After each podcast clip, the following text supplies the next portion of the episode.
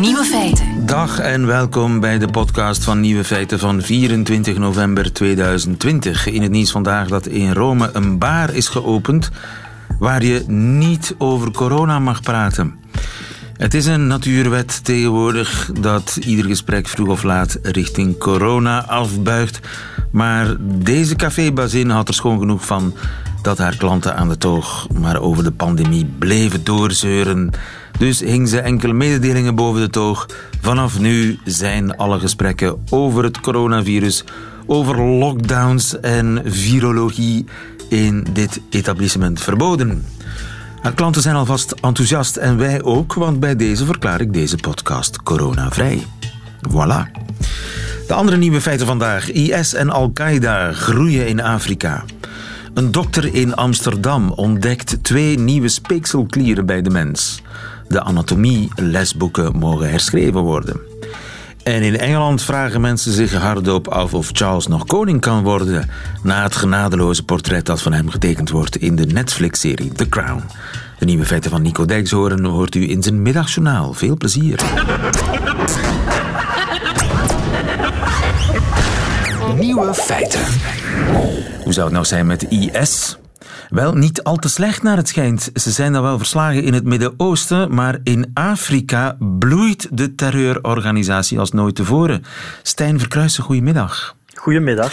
Je bent onze Afrika-kenner. Je bent onlangs nog in de buurt geweest waar uh, de terreurorganisatie IS aan het groeien en het bloeien is. Eergisteren bijvoorbeeld negen mensen nog dood bij een aanslag in Nigeria.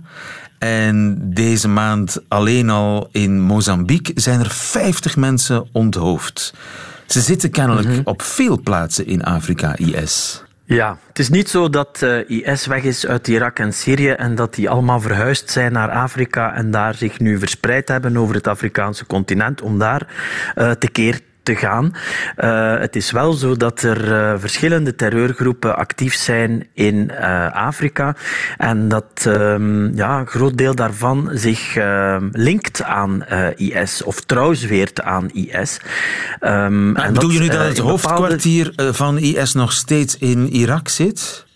Ja, waar het hoofdkwartier precies zit, dat uh, weet ik niet. Uh, wellicht wel uh, dat, de, dat de grote bonzen um, daar nog zitten.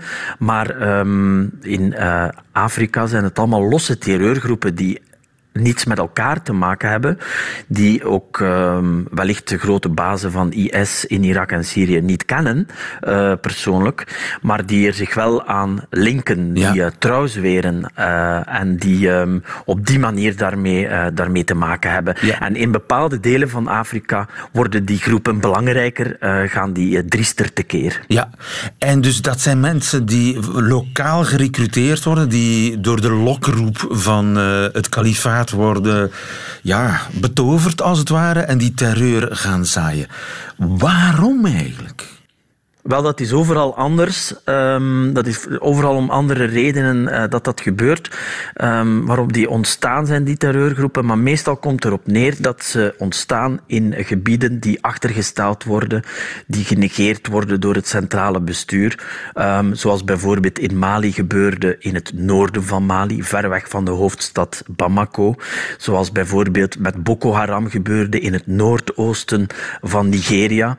Zoals bijvoorbeeld in uh, Mozambique aan het gebeuren is, in het noorden van Mozambique. Dat zijn landen die uh, genegeerd worden, achtergesteld worden door het centrale bestuur, omdat ze economisch minder belangrijk zijn en waar je dus een, ja, een, een rijke voedingsbodem creëert voor um, mensen uh, ja, die, zich, die zich dan uh, gaan aansluiten bij dat soort terreurgroepen. Hè. Dat begint vaak als, als bandietengroepen um, en dat worden dan terreurgroepen. Dat is niet altijd het grote kalifaat uh, die ze in gedachten hebben, of ja. dat is niet altijd de grote ideologische achtergronden waarom, zij, waarom zij een terreurgroep geworden zijn.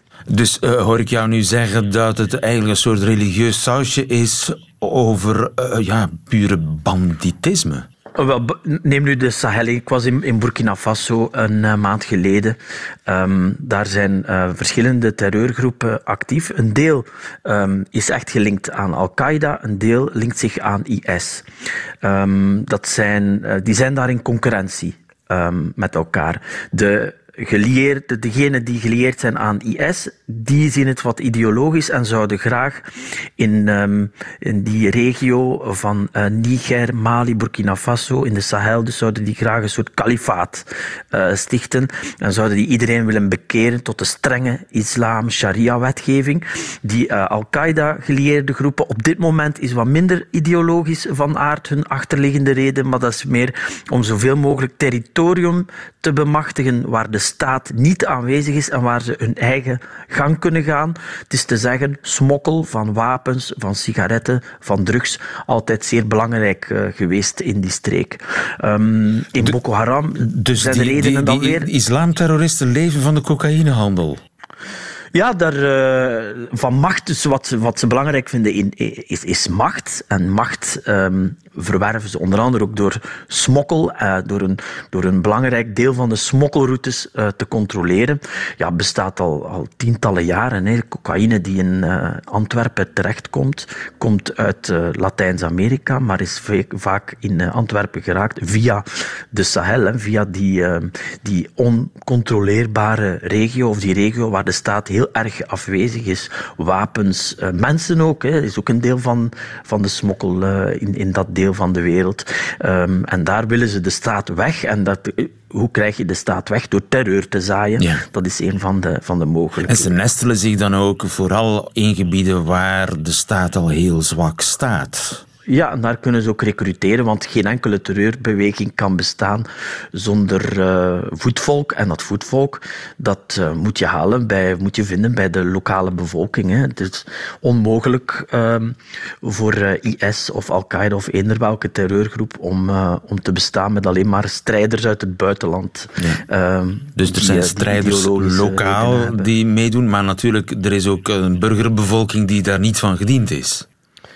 Uiteraard, ja. Dus um, overal waar uh, zij neerstrijken, um, krijg je grote conflicten en krijg je uh, mensen die op de vlucht slaan, uh, krijg je de humanitaire rampen die we vandaag zien. In Burkina Faso bijvoorbeeld, noemen ze al een tijdje de snelst groeiende vluchtelingencrisis ter wereld. Eigenlijk, de terreur is daar tamelijk nieuw um, in dat deel.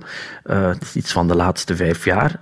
En daar zijn op enkele jaren tijd plots 1 miljoen vluchtelingen uh, ontstaan. Terwijl dat altijd een redelijk stabiel land is geweest. Een beetje een voorbeeld voor, uh, voor de regio. Dus de, de, terreur is daar wat aan het, aan het uitbreiden. Noorden van Mozambique ook. Dat is eigenlijk ook een redelijk nieuwe terreurgroep. Ja, Congo dus, zelfs. Sinds, ook. Ja, zelfs Congo, maar daar, dat, en dat, is, dat heb je dus ook met die bewegingen, daarom dat die link met IS en Al-Qaeda, dat is toch niet altijd zo duidelijk. Van Boko Haram vermoedt men dat IS um, um, wapens heeft gestuurd, geld uh, op hun rekeningen heeft gezet, zodanig dat die zich uh, konden versterken. Maar de, die groep in, uh, in Congo bijvoorbeeld, um, daar is de band met IS vooralsnog niet bewezen. en daar zouden, de, zouden eigenlijk vooral banden zijn met lokale Um, ja. militairen, uh, met uh, generaals, met uh, milities, met belangrijke mensen met veel economische macht, die dan dat soort terreurgroepen gebruiken om terreur te zaaien, zodat ja. ze zelf daar ook kunnen gaan smokkelen en, en hun eigen gang kunnen gaan. En het is gemakkelijk om je aan IS te, lie te liëren. Hè, als je bekend maakt dat je trouw zweert aan IS. Uh, dan, dan ben je al een IS-groep. Uh, dan is het al klaar. Zeg, wie, dan is het al klaar. Het probleem groeit. Hè, landen die tot nu toe stabiel waren, die worden onstabiel door dit groeiende fenomeen. Wie kan hen stoppen? De, de, de besturen, de, de regeringen in die landen uh, moeten zorgen dat ze aandacht hebben voor het hele land. Dat ze niemand in de kou laten staan. Dat ze minderheden evenveel aandacht geven als het deel van het land dat economisch uh, belangrijk is. Um, dat ja, is dat zijn zwakke hebben. regeringen. Moeten, moeten wij niks doen? Moet het Westen niks doen? Wel, je zou je kunnen afvragen, moeten we bijvoorbeeld meer troepen sturen? Uh, neem nu uh, de Sahel in... Uh, uh, Mali bijvoorbeeld zijn Belgen actief in uh, de vredesmacht daar. Ik denk 14.000 man sterk uh, op dit ogenblik. Um, dat, is een, dat is een enorme dus we doen, we doen al iets. Naar Belgische normen is dat al een enorme inspanning. De Fransen zijn ook aanwezig. moet er niet wat meer gebeuren? Wel ja, de vraag is of je met blijkbaar na, na jaren van proberen dat militairen tussen beiden komen, heeft nog zoveel niet uitgemaakt. Het, heeft, is eigenlijk alleen maar erger geworden. Ik zeg niet dat dat door dat militair tussen beiden uh, te komen erger geworden is. Maar het is duidelijk dat er, dat er, um, dat er andere zaken moeten, moeten gebeuren. Um, als ik het zou weten, dan denk ik dat ze mij onmiddellijk aannemen bij buitenlandse zaken of bij, nee, bij de VN. Jij bent er om te signaleren dat het probleem er is en hoe groot het is. En het is aan de politiek om daar een antwoord op te verzinnen. In ieder geval, terreur groeit in Afrika met alle gevolgen van dien. Voorlopig voelen wij daar nog niet zoveel uh, van, maar dat kan snel veranderen. Stijn Verkruijsen, dankjewel. Goedemiddag. Graag gedaan. Nieuwe feiten. Grey's Anatomy, de serie, loopt nog altijd de Amerikaanse ziekenhuisserie. En nu zat actrice Ellen Pompeo enkele dagen geleden in een talkshow toen ze iets heel raars vertelde. Ze herinnerde zich iets van 15 jaar geleden, bij de start van de reeks. Toen hebben ze namelijk een eufemisme moeten bedenken voor het woord vagina. Het woord vajayjay, een woord dat nog altijd in de mond wordt genomen door uh, menig influencer. So that's where the term vajayjay came from. Shonda made up vajayjay because standards and practices would not let the, uh, the, my characters say vagina. And, and Shauna's argument was like, we said penis in that episode 97 times. You can say penis 97 times, but you can't say vagina. And they were like, yep, yep, that's it. You can't say vagina. 97 keer zei ze het woord penis in een bepaalde aflevering. Een aflevering waarin ook een vagina figureerde, maar die vagina kon ze niet bij haar naam noemen. En toen bedachten ze maar het woord vajayjay. Jan Verheijen, goedemiddag. Goedemiddag. Want ja, het, het is wel een... Uh, standards and practices. Dat is ja, het, het woord eigenlijk. Standards and Practices is eigenlijk een afdeling uh, bij elke grote Amerikaanse uh, zender. Dus je hebt eigenlijk de drie grote zenders, ABC, NBC en CBS. Grey's Anatomy zit op uh, ABC. En die hebben dus een, en dat is een vrij grote afdeling, dat is met advocaten en zo. En die zoeken uit wat al dan niet door een deel van de kijkers, of belangrijker, door de adverteerders, als aanstootgevend zou kunnen beschouwd worden.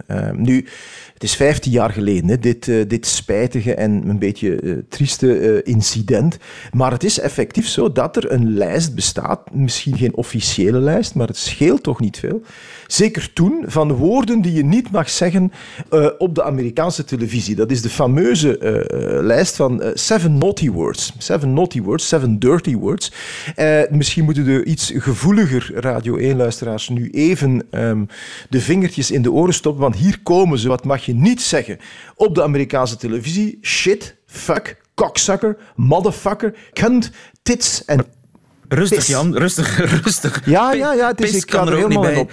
Maar, kan ook niet. Maar dus standards and practices is eigenlijk eh, per omroep geregeld. Elke omroep bepaalt dat voor zichzelf. Of uh, zijn de omroepen onderling het erover eens van kijk, dit is de lijst met woorden die men niet zegt op de televisie? Er is, er is een variërende consensus, zoals dat dan heet. En uh, die standards uh, and practices kijken natuurlijk ook een beetje naar de FCC. Dat is eh, de Federal Communications Commission. Dat is de soort overkoepelende organisatie die in de Verenigde Staten het, uh, alles reguleert wat met broadcasting te maken heeft. Dat is een soort officiële censuur dan?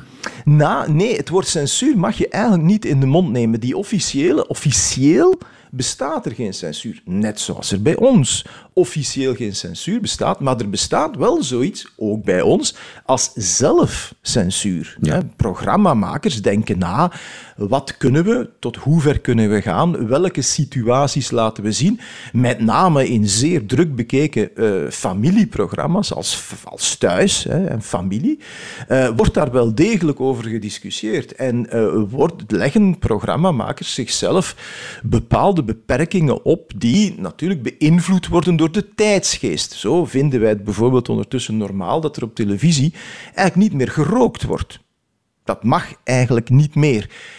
Um, terwijl in film uh, je ook wordt gevraagd om daar zorgvuldig mee om te springen, maar daar kan je wel argumenteren. Kijk, dit personage, ik vind dat dat, om welke reden dan ook, uh, dat, dat, dat die rookt. Dat zegt ah ja, dus, dus in films gelden er andere regels dan op televisie?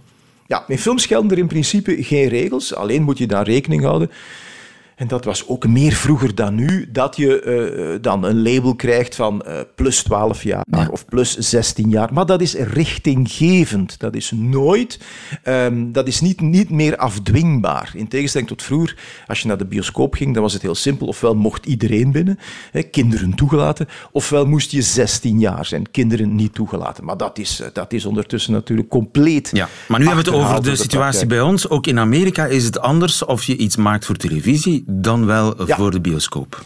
En zelfs binnen televisie zijn er nog uh, aanzienlijke verschillen. Je hebt dus die drie grote zenders waar ik het net over had. Um, maar je hebt ook natuurlijk de kabelzenders. HBO, eh, Showtime, Hulu, uh, Netflix, noem maar op. Die hoeven zich daar werkelijk niks van aan te trekken, omdat de mensen die een abonnement hebben genomen op die zenders, ja, weten dat ze met een ander soort inhoud te maken kunnen krijgen. Terwijl die grote zenders, natuurlijk, ja, die zenden uit en daar kan iedereen naar kijken. En wij denken altijd bij de Verenigde Staten, want ja, wij kennen natuurlijk allemaal Amerika, maar wat kennen wij?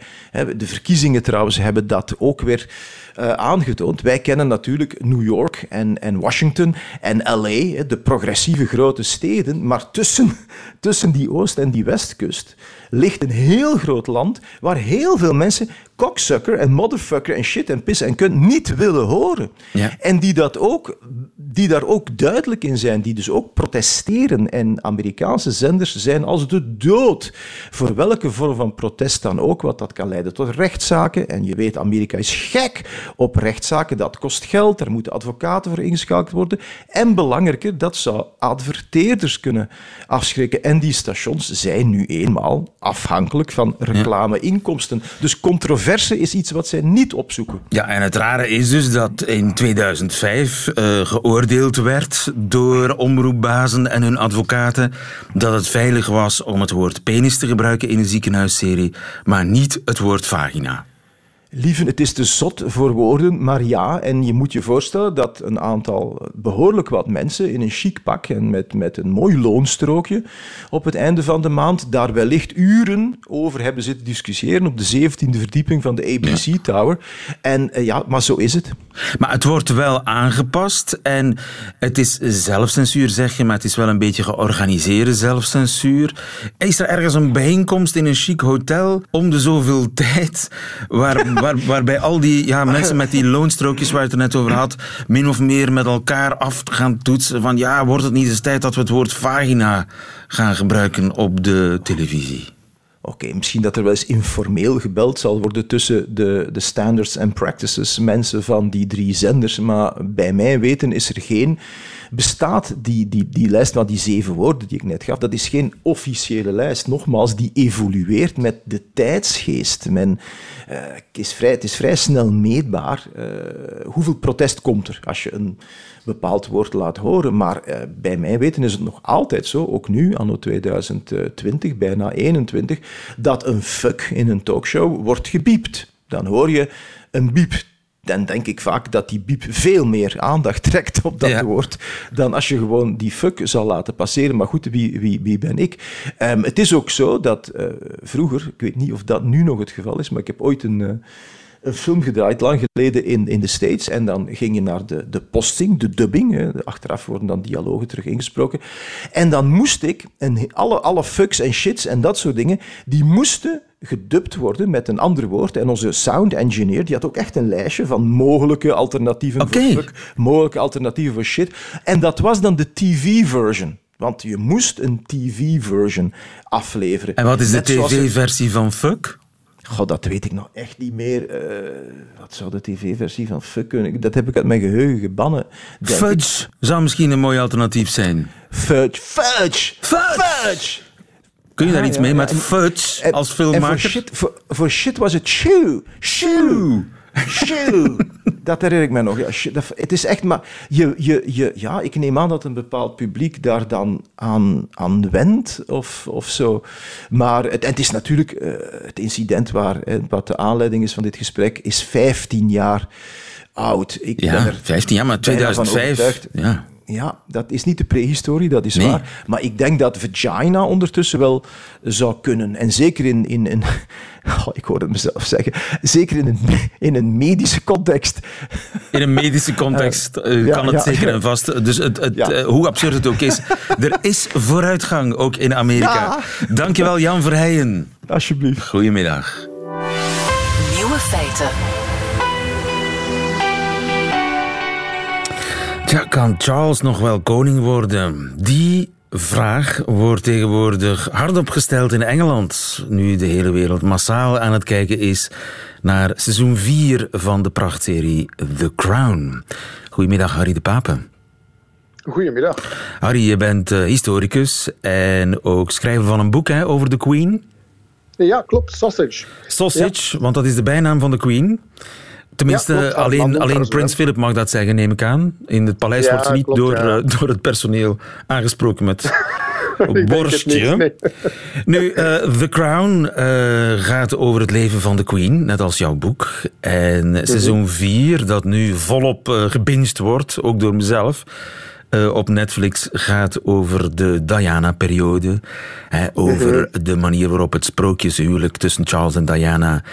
Ja, verandert en vrij snel verandert in een nachtmerrie. Je kunt je zelfs afvragen of het niet al een nachtmerrie was nog voor het begon. Mm -hmm. Die serie die is echt bikkelhard hè, voor Charles. Ja, ja, klopt. Het is een beetje het klassieke verhaal dat we kennen uit de jaren negentig al. Hè. Als je, ik ben op zich niet helemaal verrast hoe het wordt vormgegeven. Het zijn ook de verhalen die je leest in, in al die boeken uit de jaren negentig. Uit die periode werd Charles ook zo vormgegeven. Hè. Ja, Nochtans, dus eigenlijk ja, geen, uh, geen verrassingen. Maar toch, als je Nee. dan uh, zeer fraai vormgegeven en geacteerd voor je ogen ziet, ja, dan wordt het echt wel werkelijkheid. Ik kan het natuurlijk niet laten zien, maar ik kan wel een fragmentje laten horen. Het is een vrij lang fragment. Maar een sleutelfragment waarin Charles Diana schoffeert omdat ze in zijn ogen goedkoop scoort in de krant door ja, onder meer AIDS-patiënten te omhelzen. You think we couldn't do that to theatrically hug the wretched and the dispossessed and cover ourselves in glory all over the front pages? I doubt it. You barely find it in yourselves to hug your own. I hug who I want to. I hug who I love. Particularly when they are affected by the selfishness of others and need cheering up. Who are you referring to? Camilla. Why would I care about her? Because I care about her! Morning, noon, and night I care about her! And you hurt her! And if you hurt her, you hurt me. Ja. Ja, Harry, tientallen jaren hebben Charles en Camilla dan aan hun uh, imago gewerkt. Eindelijk waren ze een beetje gerehabiliteerd. We konden ze ons voorstellen, die twee, Charles en Camilla, op de Britse troon. Nu kan ik me dat minder voorstellen. Eenmaal ik weet dat de hele natie dit gezien heeft. Ja, het is een beetje dubbel. Hè. Enerzijds, ik vergeet niet met wie je te maken hebt. Het zijn de Windsors. Hè. En de Windsors zijn een van de beste PR-machines die er eigenlijk al geweest zijn in de hele 20e eeuw en ook in de 21e eeuw. Dus ik zie ze zichzelf wel opnieuw uitvinden. Ik, ik zie ze daartoe in staat. Vergeet niet, eind jaren 90 schreef iedereen Charles ook af. En ook de mogelijkheid van een huwelijk met Camilla was onmogelijk eind jaren 90. Het is toch gebeurd. Hè? Ja. Omwille van een goed charme-offensief. Dus tijd Dus ik, ik zie speelt hier in zijn voordeel. Natuurlijk, uh, Klopt. heel veel Ja. tijd is er niet meer. ja, Ik wil niks verkeerd zeggen over de meer. Queen. Maar, maar ja. Ja. Het, eh, ja, het gaat goed met haar en met haar gezondheid. Maar dat Mhm. kan op haar leeftijd 94 snel veranderen. Stel nu dat zij een probleem krijgt en hij moet vandaag koning worden. Dat wordt toch echt ingewikkeld. Nee. Nee? nee, eigenlijk niet. Nee. Dat Maar- is een fictieserie, vergeet niet. Het is een fictieserie. Oké, en, en er zijn nu stemmen, ja. eh, onder meer Lady Glenn Connor, die een prachtig boek geschreven heeft over haar Ja. Mhm. tijd als, eh, als hofdame bij Margaret, de zus van de Queen, die vriendin is, ook is van Charles. Die zegt, ja, er moet eigenlijk een soort disclaimer komen. Eh, vlak voor elke aflevering, dit is fictie. En ze staat daar niet Ja. alleen mee. Heel veel of vooraanstaande royalty watchers en politici zeggen, ja, er moet meer nadruk gelegd worden. Dit is eigenlijk allemaal verzonnen. Ja, wel nee, het, het, het zit hem zo. Niet alles is verzonnen, uiteraard niet. Het is een beetje typisch aan The Crown. Hè. The Crown speelt tussen fictie en feiten. En, en daar spelen ze heel sterk tussen. Voorbije reeksen ook. Je hebt verschillende afleveringen gehad waarbij echt wel dingen erbij werden gesleurd die gewoon historisch niet juist waren. Ook rond Churchill, uh, rond de Queen, Prins Philip. Dat is, al, dat is een klassieker. Hè? Dat is een fictiereeks, zoals ik al zei. Ook veel dingen worden goed afgebeeld, zoals het was. In dit geval bijvoorbeeld Charles hè, wordt hier nu vrij agressief afgebeeld. Terwijl als je alles over Charles leest en alle mensen die dicht bij hem staan, als er nu iets is waar die man niet voor bekend staat, is woede-uitbarstingen. Hij is vooral een zeur. Hij wordt altijd afgeschilderd als een grote zeurkous. Ja. En dus dat is bijvoorbeeld zo'n afbeelding die wellicht gewoon fictioneel is. Ja, die man dus... zal enorm vaak gezeurd hebben tegen Diana, maar echt woede-uitbarstingen. Dat past niet meteen met hoe je Charles, als je dat leest, hè, hoe je Charles inbeeldt. En dat is wel okay. nu. De, dus die woede-uitbarstingen die zijn waarschijnlijk uh, overdreven, die stemmen waarschijnlijk niet overeen met de, ja. met de werkelijkheid. Nu, in de serie schenkt hij, vlak voor zijn huwelijk met Diana, een armband aan Camilla, met daarin hun beider initialen gegraveerd. Is dat verzonnen? Daar heb ik eigenlijk gezegd geen weet van. En wat wel duidelijk is, het, de relatie met, met Camille was voorbij wanneer hij met Diana trouwde. Diana trouwde ook in het begin, de eerste jaren, hadden zij op dat moment echt geen relatie meer. Dat is gewoon, dat is gewoon feit. Hè? En dat zie je dan in The Crown, speelt dat wel nog, terwijl die relatie ja. op dat moment voorbij was. Hè? Dus dat uh, is echt verzonnen door de mensen van The Crown. Die ja, relatie heeft wel degelijk gedurende jarenlang stilgelegen. Ja, klopt. Dat heeft heel, heel die tijd stilgelegen. Hè. Trouw, ik denk dat je het beste kan zien is de relatie met de zoons. Als je Charles met, met zijn zoons ziet, ook Harry, die nu wel gebroken heeft met de familie, maar die heeft niet gebroken met zijn vader. Hè.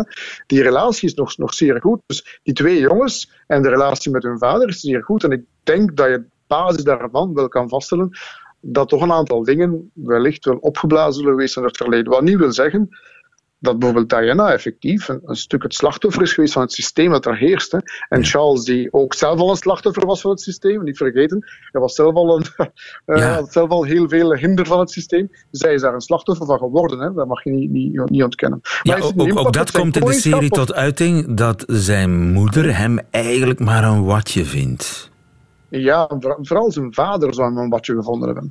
Uh, bijvoorbeeld, heel interessant, Diana heeft destijds zelf uh, aan vriendinnen verteld hoe bij de scheiding uh, met, met, Charles, dat ze eigenlijk heel veel begrip kreeg van de Queen en van Philip. Dus dat heeft ze zelf nog verteld, dat ze op zich meer begrip kreeg op dat vlak van haar schoonouders dan Charles, die alleen maar liep te zeuren. Ja. Die daar zelfs heel, heel koud was geworden en zelfs geen emotie meer, meer toonde ten opzichte van haar. Ja. dus je, dat, dat beeld komt ook niet helemaal hè, eh, tot, tot, tot uiting. De familie is uh, lang niet zo wordt... kil als ze wordt afgebeeld in The Crown.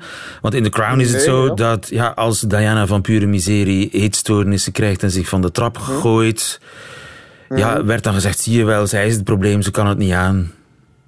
Ja, ja, dat werd wel instabiel. Ook, dat ook, pas op, hè, op begrip heeft niet moeten rekenen. Hè, voor alle duidelijkheid. Met haar eetstoornissen, daar is ze effectief, was, op, was tegen een stenen muur als ze liep. Hè, er was geen begrip voor, dat begreep men niet. Hè. Uh, dat is heel duidelijk. En dat is ook heel duidelijk voorkomen er allerlei privéontboezemingen van Diana zelf, dat ze zich niet begrepen voelde. Want dat, ja. is, dat is helemaal terecht. Maar ja. uh, de, de, de koninklijke familie kan er zich van afmaken, bij wijze van spreken, door zijn. Het is fictie. Klaar. Uh, nee, door gewoon wat ze altijd doen, de tijd laten spelen en gewoon verder doen. En niet vergeten, binnen twee jaar tijd bijvoorbeeld, dat klinkt nu al heel ver, maar daar kijken ze nu al naar uit. Binnen twee jaar tijd zit de Queen 70 jaar op de troon. Dan wordt weer één grote feestelijkheid en dan zal de monarchie zich weer op zijn best tonen. En, en let erop, dat zal, weer, dat zal weer zo verder gaan. Zo spelen ze het altijd en ze slagen er ook altijd in. En brengt dit nu Charles zijn prospectie op koningschap in het gevaar? Ik denk dat eerlijk gezegd niet. Het, het, grootste gevaar voor hem is zijn leeftijd. Dat zal hem misschien in, in uh, moeilijkheden brengen. Ja, want stel dat het zo zou zijn, dat zou wel een enorme ironie zijn dat The Crown, die gebaseerd is op het leven van de koningin, dat plotseling The Crown zelf, de serie, een invloed zou hebben op het leven van ja.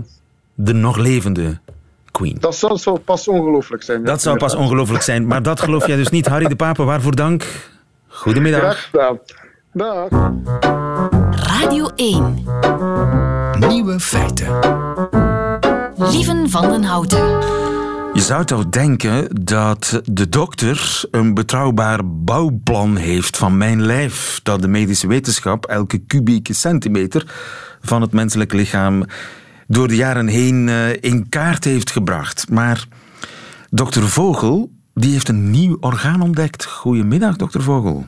Goedemiddag. Wouter Vogel, radiotherapeut van het Antonie van Leeuwenhoek ziekenhuis in Amsterdam. Wat heb jij ontdekt? Ja, wij waren scans aan het maken voor prostaatkanker. En deze nieuwe scans laten ook de speekselklieren heel goed zien. En toen viel ons op dat iedereen midden in het hoofd een extra vlek liet zien op die scan, die er ook uitzag als een speekselklier. Dus je hebt een nieuwe speekselklier ontdekt? Ja, nou wij twijfelden daar zelf erg aan in het begin. Hè. Het zal toch niet waar zijn dat we een speekselklier hebben die we nog niet kennen. En daarom heb ik mijn collega Matthijs Valstar eh, gevraagd om dat helemaal uit te pluizen. Dat heeft hij gedaan. En inderdaad, het is speekselklierweefsel wat daar zit. En waar zit die dan precies? Uh, achter in de neusholte, uh, achter de slijmvliezen aan de achterkant. Uh, daar zit onder de oppervlakte het speekselklierweefsel verstopt.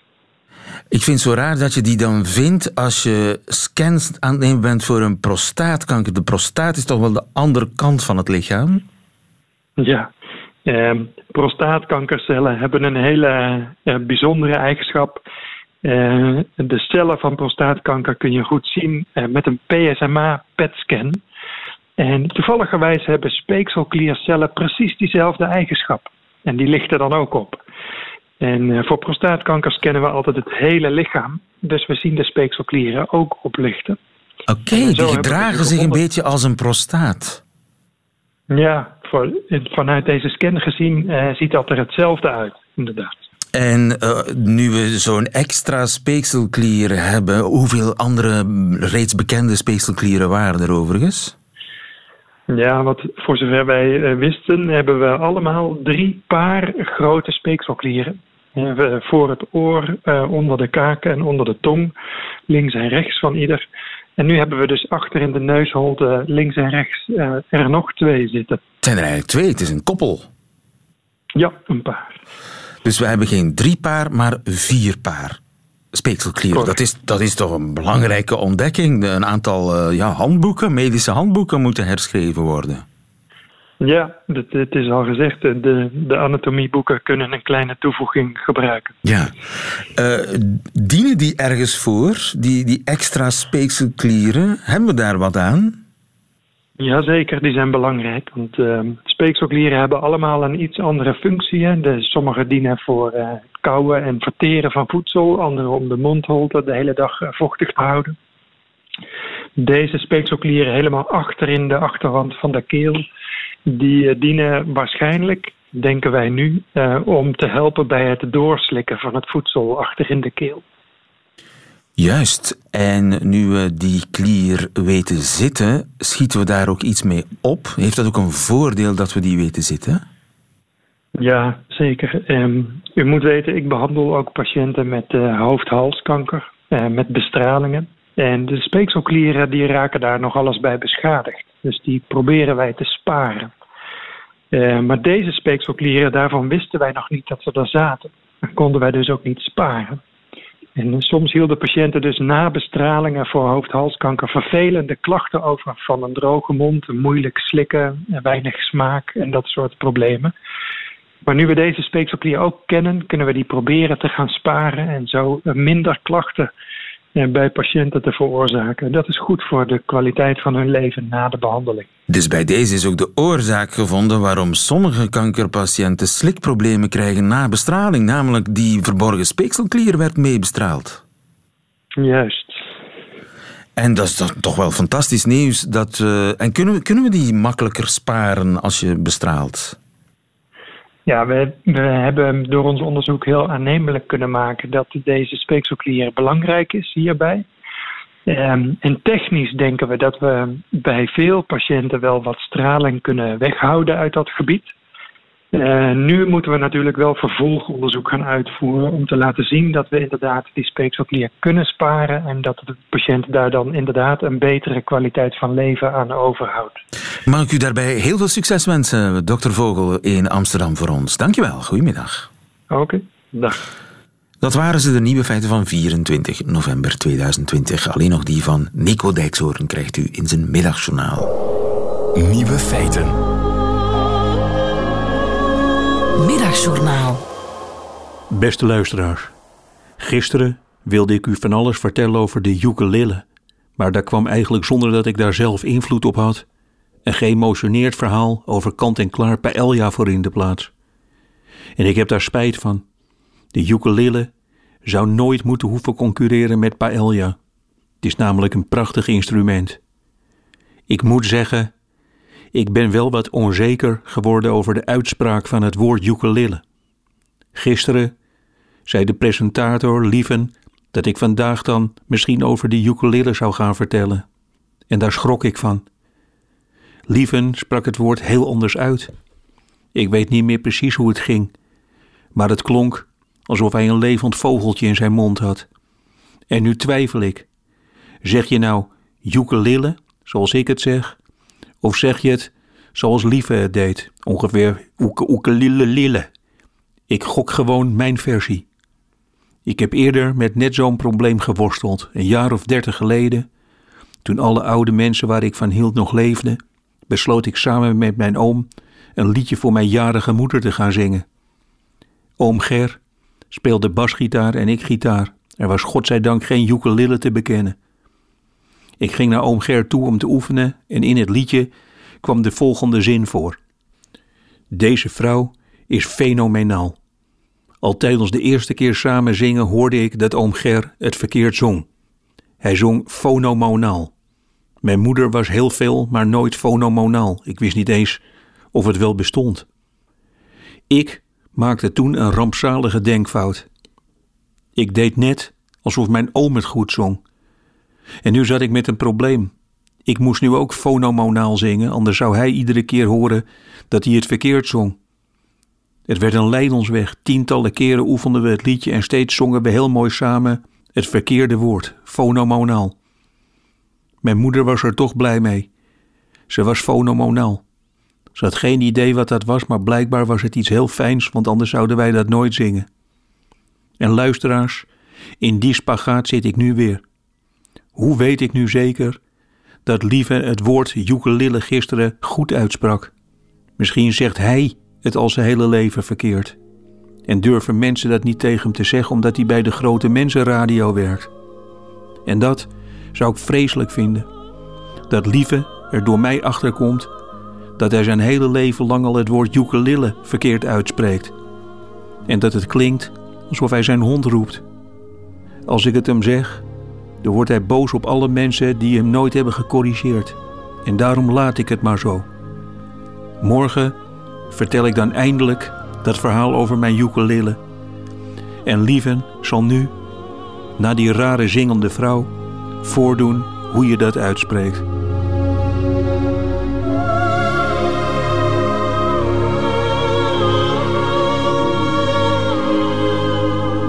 Ik zeg al mijn hele leven ukulele. Zoals volgens mij veel Vlamingen. Maar we leggen het voor aan Ruud Hendricks in deze of het nu ukulele of ukulele is. Nico Dijkshoorn in het Middagjournaal. Einde van deze podcast. Hoort u liever de volledige uitzending van Nieuwe Feiten? Dat kan via radio1.be of via onze app waar nog veel meer fijne podcasts staan. Tot een volgende keer.